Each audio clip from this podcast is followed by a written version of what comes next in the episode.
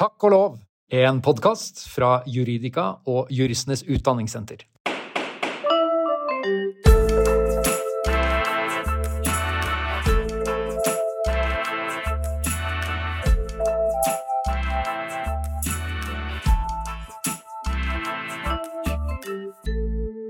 Hei og hjertelig velkommen til nok en episode av Takk og lov, hun er alene.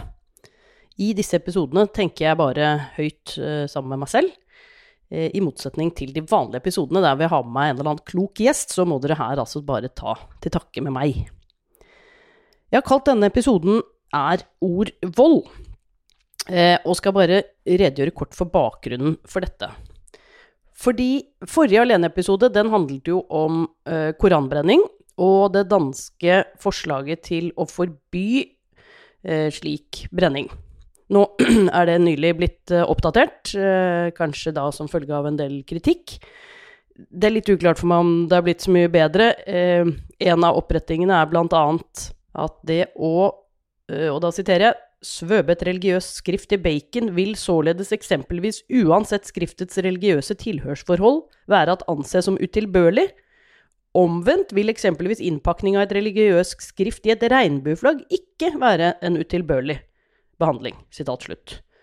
Så det er altså ikke bare ulovlig å brenne ting, det er også ulovlig å svøpe dem inn i bacon. Men det er lov å svøpe dem inn i regnbueflagg, selv om det antageligvis kan oppfattes ganske krenkende for de som tenker slik. Det er litt uklart for meg hva som er det grunnleggende prinsippet i en sånn type forbud, om det da er at krenkelser vi selv er enig i at kan oppleves krenkende, de skal være forbudt, mens krenkelser vi selv mener at andre burde tåle, de skal ikke være forbudt. Noe sånt. Uansett. Det er jo litt paradoksalt kanskje at Danmark er så opptatt av å imøtekomme de mest voldelige og terrorvillige kreftene ved å innskrenke ytringsfriheten for dansker som bruker harde ord, ikke har vold. I en tid der store og viktige land i Europa innskrenker ytringsfriheten for akkurat de samme kreftene, fordi de nettopp ikke bare bruker harde ord, men også fryktes å ville ty til harde handlinger i form av vold og terror. Jeg tenker da på øh, ganske øh, generelt utformede øh, og vidtrekkende forbud både i Frankrike og Tyskland mot pro-palestinske demonstrasjoner. Så vidt jeg forstår, så er det også i Frankrike og Tyskland krav om at man foretar konkrete sikkerhetsvurderinger av om de demonstrerende selv kan komme til å uh, oppfordre til vold, uh, eller på andre måter bidra til at situasjonen, sikkerhetssituasjonen eskalerer på stedet. Uh, men, men, at disse forbudene går, går, ganske langt i å være helt generelle. Eh, og rettet mot egentlig innholdet i budskapet, nemlig at man er pro den ene parten i en forferdelig krig, eh, og ikke den andre. Vel, eh, alt dette dreier seg uansett om innskrenkninger eller reguleringer av ytringer på en eller annen måte.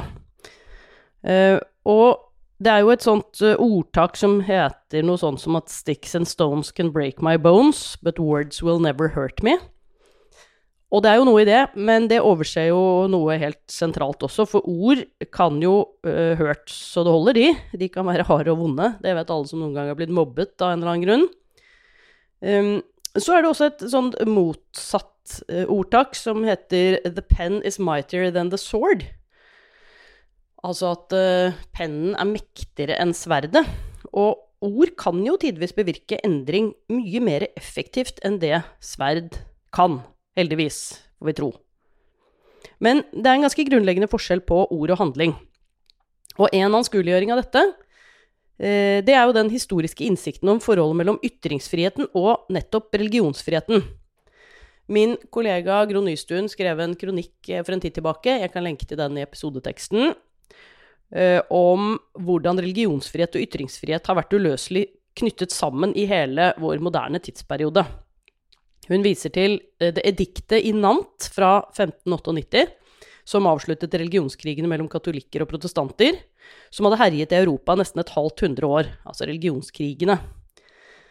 Ediktet foreskrev at etter dette så skulle protestanter kunne ytre seg om sine, sin religiøse overbevisning og utøve den offentlig, riktignok med visse begrensninger, uten å bli gjenstand for forfølgelse, drap og tortur osv. Så, videre. så man ble på en måte enige om å være uenige om det som da var det viktigste, viktigste spørsmålet av alle, nemlig religion. Men man måtte være uenige med ord, ikke med sverd. Så fred gjennom ytrings- og religionsfrihet, nettopp fordi ord er noe annet enn vold. Og da begynner jeg å nærme meg dagens tema. For siden forrige episode så har jeg vært i en del eh, nye debatter om koranbrenning med ulike interessante synspunkter fra mange sider. Et av synspunktene i en av de debattene, det var nettopp dette at ord er vold. Og det er ikke noen særegen posisjon, det er i grunnen en ganske vanlig et vanlig argument i en del ytringsfrihetsdebatter. Var derfor jeg tenkte det var greit å vie en episode til eh, dette. Denne gangen så kom eh, utsagnet 'ord er vold' fra en klok teolog, og det gjorde det ekstra interessant. Jeg kommer tilbake til det. Det ble også fulgt opp av noen spørsmål på en Facebook-side som hørte til den debatten. Eh, og, og, som viste til en nettside med oversikt over ulike former for vold i nære relasjoner. Som jo ikke bare innebærer fysisk vold, slag og spark og lugging og fæle ting, men også psykologisk vold. Ord som smerter og krenker og skremmer, og ofte er ment nettopp for å gjøre det plage og krenke andre. Og om ikke denne innfallsvinkelen til språket kunne brukes også når man diskuterte koranbrenning. Og det tenker jeg er et helt forståelig spørsmål.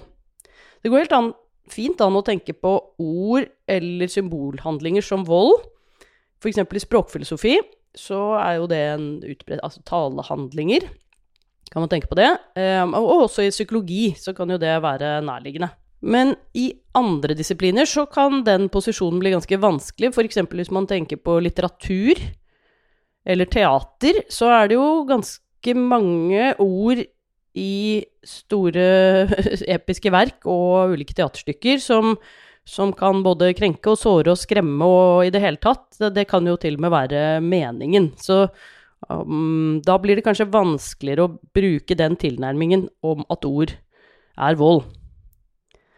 Og hvis vi tenker tilbake på dette eh, denne eh, passasjen fra Gros eh, um, kronikk, så er det jo en del av ytringsfrihetshistorien som nettopp handler om at man erstatter egentlig vold med ord. Um, og da blir jo egentlig voldssammenligningen nærliggende, fordi du, du går fra én type vold til en annen type vold, om du vil, men da ut fra tanken om at den andre typen vold, nemlig ord, er tross alt mindre skadelig og dødelig enn den første, som er eh, vold i form av sverd eller slag. Og hvorfor er den mindre ille? Um, altså I motsetning til fysisk vold, så er jo den skaden ord gjør, den er um, langt mer indirekte, og så er den til dels betinget av noen forhold rundt. Av, av kontekst, selvfølgelig, men også av subjektive forhold, både hos den som uh, ytrer seg, og den som lytter eller tar imot de ordene som kommer. Så den som uh, sender av gårde en eller annen ytring, må ha eh, kanskje en eller annen form for generell eller konkret innflytelse eller makt eller kunnskap eller noe annet for at ordene skal svi. Altså ytringer som kommer fra barn, eller folk som ikke skjønner hva de sier, eller andre ting, de har jo mindre svines kraft, ikke sant? Og så må mottakeren på en eller annen måte la seg påvirke. Og det er jo ikke alltid noe man kan velge, selvfølgelig. Men der det samme knyttneveslaget mot ansiktet har ca. samme effekt på alle som blir slått, så kan verbale knyttnever ramme noen veldig hardt, og andre ikke i det hele tatt. Og i en del sammenhenger så kan verbale knyttneven i stedet ramme den som slår. Ikke sant? Når man kommer med et eller annet grusomt utsagn, og alle snur seg mot den som ytrer seg og himler med øynene og rister på hodet og går sin vei. Da funker det overhodet ikke, og det kan også funke sånn at den som det verbale knyttneveslaget var rettet mot, egentlig kommer seirende ut av konfrontasjonen. Så var det en teolog som fremsatte denne påstanden i denne runden her, og det fikk meg også til å tenke at Eh, posisjonen ord er vold, den er ganske krevende fra et religiøst eller teologisk perspektiv. Uh, hellige skrifter inneholder ganske mange ytringer som smerter og krenker andre. Eh, Det er jo én ting, men, men også ytringer som helt direkte oppfordrer til vold og fornedring av f.eks. kvinner, eller utro, eller homofile, eller obsternasige barn, eller hva det nå uh, er. Og når skal vi anse de ordene for vold, og når skal de være vernede ytringer? Det blir jo et spørsmål.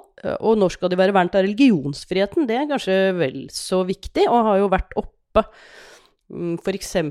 i debatten om eh, transpersoner, hvor en del kristne har vært veldig opptatt av at de må få kunne lese fra Bibelen at uh, ekteskapet er mellom mann og kvinne, eller at uh, Gud skapte oss til to kjønn, eller hva det nå eh, er for noe. Når skal det være anses som vold, og når skal det være vernet av ytrings- og religionsfriheten?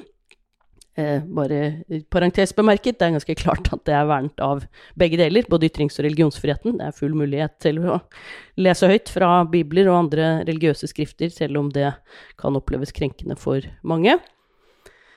Um, er jo ikke noen tvil om at ord i religiøse skrifter kan brukes til å misbruke, altså kan misbrukes til å undertrykke folk, f.eks. kvinner eller homofile eller andre. Er det da ordene som er vold, eller er det bruken av ordene, eller misbruken av ordene, til å undertrykke andre mennesker? Hvem skal definere hva som er rettroende eksegese, altså opplesning eller utlegning av skrift, og hva som er misbruk? Dette er jo en av grunnene til at man stort sett straffer handlingene, nemlig den faktiske undertrykkelsen, og ikke de ordene som fører til de handlingene. Men tilbake til utgangspunktet, spørsmålsstilleren på Facebook som viste til denne siden.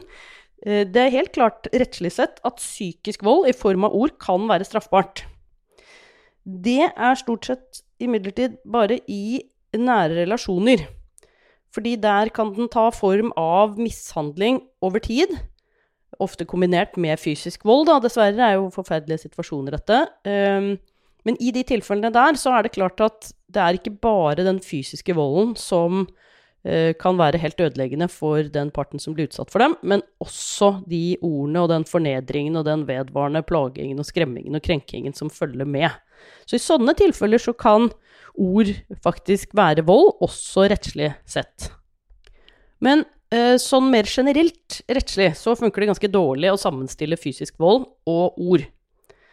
I alle fall hvis man mener at ytringsfrihet har en verdi, eh, og det gjør vi jo, det fremgår jo av Grunnloven og menneskerettighetene, og, og da en verdi som det ikke er så lett å erstatte hvis man skal ha reelle demokratier. For hvor skal man trekke grensen? Jeg kan jo begynne med koranbrenning, som var utgangspunktet for debatten, nemlig eh, en provoserende symbolsk ytring, om man vil, en handling som uttrykker et meningsinnhold, og som iallfall i Sverige og Danmark og dels i Norge er eh, utført stort sett eh, på en måte som gjør at det fremstår som pøbelstreker og oppvigleri og mobbing på et vis. Men hva om den brenningen var utført av en jesidi som hadde vært torturert i islams navn i hele sitt liv? Skulle ikke hun få uttrykke sin fortvilelse på denne måten uten å bli tiltalt for vold? Eh, her vil det være noen vanskelige grensedragninger. Og et aktuelt, dessverre, eksempel, da, pro-palestinske demonstrasjoner kan skremme jøder, og pro-israelske demonstrasjoner kan smerte palestinere og deler av den norske venstresiden. Men slik skremsel eller nedverdigelse av motparten, det trenger jo ikke være motivasjonen bak demonstrasjonene, selvfølgelig. Kan, ja, stort sett er det jo et uttrykk for fortvilelse og solidaritet. Men det kan være det. Uansett så er jo denne type demonstrasjoner, denne type ytringer, legitim og viktig maktkritikk sett fra ulike vinkler. Så selv om ord i sånne demonstrasjoner kan oppfattes og oppleves som uh, veldig harde, så må de jo være lovlige fordi de er nettopp et uttrykk for maktkritikk. For å ta et helt uh, annet type eksempel. Ways of Seeing, dette eksperimentelle teatret, uh, som annet uh, fremstilte husfasaden til familien Wara og Bertheussen, det opplevdes jo krenkende krenkende og kanskje til og med skremmende. Såpass mye at, eh, at eh, det ble vel anmeldt, tror jeg, for, som brudd på privatlivsfred. Ble henlagt, selvfølgelig, men, men eh, det tilsier jo at man har blitt meget berørt av denne ytringsformen. Og den skremmingen eller krenkingen kan jo for så vidt ha vært intensjonen til teaterskaperne eh, også. Men åpenbart jo vernet av den kunstneriske ytringsfriheten. Og uten den eh, kritikken av uh, ja, uten sånn maktkritikk da, av høytstående maktpersoner, om det nå er Sindre Finnes eller uh, justisminister Tor Mikkel Wara, så ville vi neppe byttet utenriksminister nå nylig, eller sett at justisministersamboere kan være trusler mot demokratiet. Så ytringers indirekte og betingede og ganske uforutsigbare virkninger i verden er en av grunnene til at det er viktig å beskytte dem. Vi, vi må tillate den type maktkritikk fordi den kan være viktig å avkle eh, makt. Det er ikke alltid den gjør det, eh, og den kan oppleve det ganske fælt på veien, men den kan gjøre det, og derfor er den viktig, og derfor er den vernet. For min egen del så kan jeg si at en knusende fagfellevurdering av en eller annen artikkel jeg prøver å få på trykk, den kan jo direkte skade meg og karrieren min, i tillegg til å føles utrolig nedverdigende og kjip. Men eh, hvis man ikke skulle ha den type fæle ytringer som det kan oppleves som i fagfellevurderinger, så ville jo selvfølgelig vitenskapen kollapset fullstendig. Det blir ikke noe sannhetssøken og vitenskap hvis man ikke kan falsifisere hverandres standpunkter på til dels krasse og avkledende måter. Så hvor lander vi med alt dette? Ja, jeg tenker at vi lander på at ytringer eh, åpenbart kan ha en rekke virkninger som er svært negative for dem de rammer, og likevel være samfunnsmessig helt uvurderlig viktige, eller iallfall ha potensial for å være det. Så derfor kan vi ikke sammenstille ord med vold rettslig sett, hvis vi vil beskytte muligheten til fri meningsutveksling. Alt dette er det mulig å forstå, og jeg tror egentlig rundt et stykke på vei til å være enig også, men det er ganske vanskelig å forholde seg til det i praksis. Særlig når vi er sterkt følelsesmessig engasjert. Da reagerer vi mer intuitivt og mindre kritisk resonnerende. Vi eh, har jo en masse feilslutninger fordi vi er mennesker, og de feilslutningene, de følger noen mønstre. Vi tror f.eks. lettere på det vi forstår umiddelbart, enn det som krever grubling. Vi søker bekreftelse på det vi allerede trodde. Hvis vi først har fått et inntrykk av noe, så skal det mye til at vi skifter mening, selv om vi blir presentert med sterke motbevis. Vi er kritiske til andres dømmekraft, men mest når vi er uenig det de sier, i konklusjonene deres. Og motsatt er vi ganske ukritiske til våre egne resonnementer når de leder oss dit vi selv ønsker å ende opp. Vi styres mer av likes og dislikes enn av kritisk tenkning. Jeg har lurt litt på om dette kanskje blir klarere for oss i forlengelsen av denne grusomme situasjonen som nå er på Gaza. Jeg eh, har iallfall lagt merke til et litt paradoksalt utslag i en del av diskusjonene rundt denne fæle krigen. Og det er at noen av de som ellers står ganske høyt på ytringsfrihetsbarrikadene, de er ikke så opptatt av at Frankrike og Tyskland forbyr pro-palestinske demonstrasjoner. Rund baut, liksom. Eller at Tyskland forbyr bruk av palestinaskjerf på skolen, som er en ganske heftig inngrep i barn og unges ytringsfrihet. Det var en sykepleier i Ålesund som sto frem på Instagram og heiet på Hamas. Eh, det opplevdes jo selvfølgelig ganske fælt rett etter eh, dette første terrorangrepet. Mm, men det var mange som mente at det ikke skulle være vernet av ytringsfriheten. Og en del mente også at han burde bli, få sparken, at man kunne ikke ha sånne sykepleiere som drev på denne måten. Eller kanselleres, som man også kan si, og, og, som jo er en måte å reagere mot ytringer på, nemlig å gå til arbeidsgiver og si vedkommende får ikke jobbe mer hvis han uttrykker seg på denne måten her. Som en del av de stemmene som ellers er opptatt av ytringsfrihet, mener det er en illegitim måte å reagere på ytringer med. Og på den andre siden så er det en god del av dem som ellers kanskje er nærmere den posisjonen om at ord er vold, og at uh, hat og hets mot uh, folkegrupper må straffeforfølges uansett. De en del der sammenligner nå Israel med Nazi-Tyskland, og demonstrerer under slagord som slår ganske hardt, ikke bare mot sionister, men også mot jøder.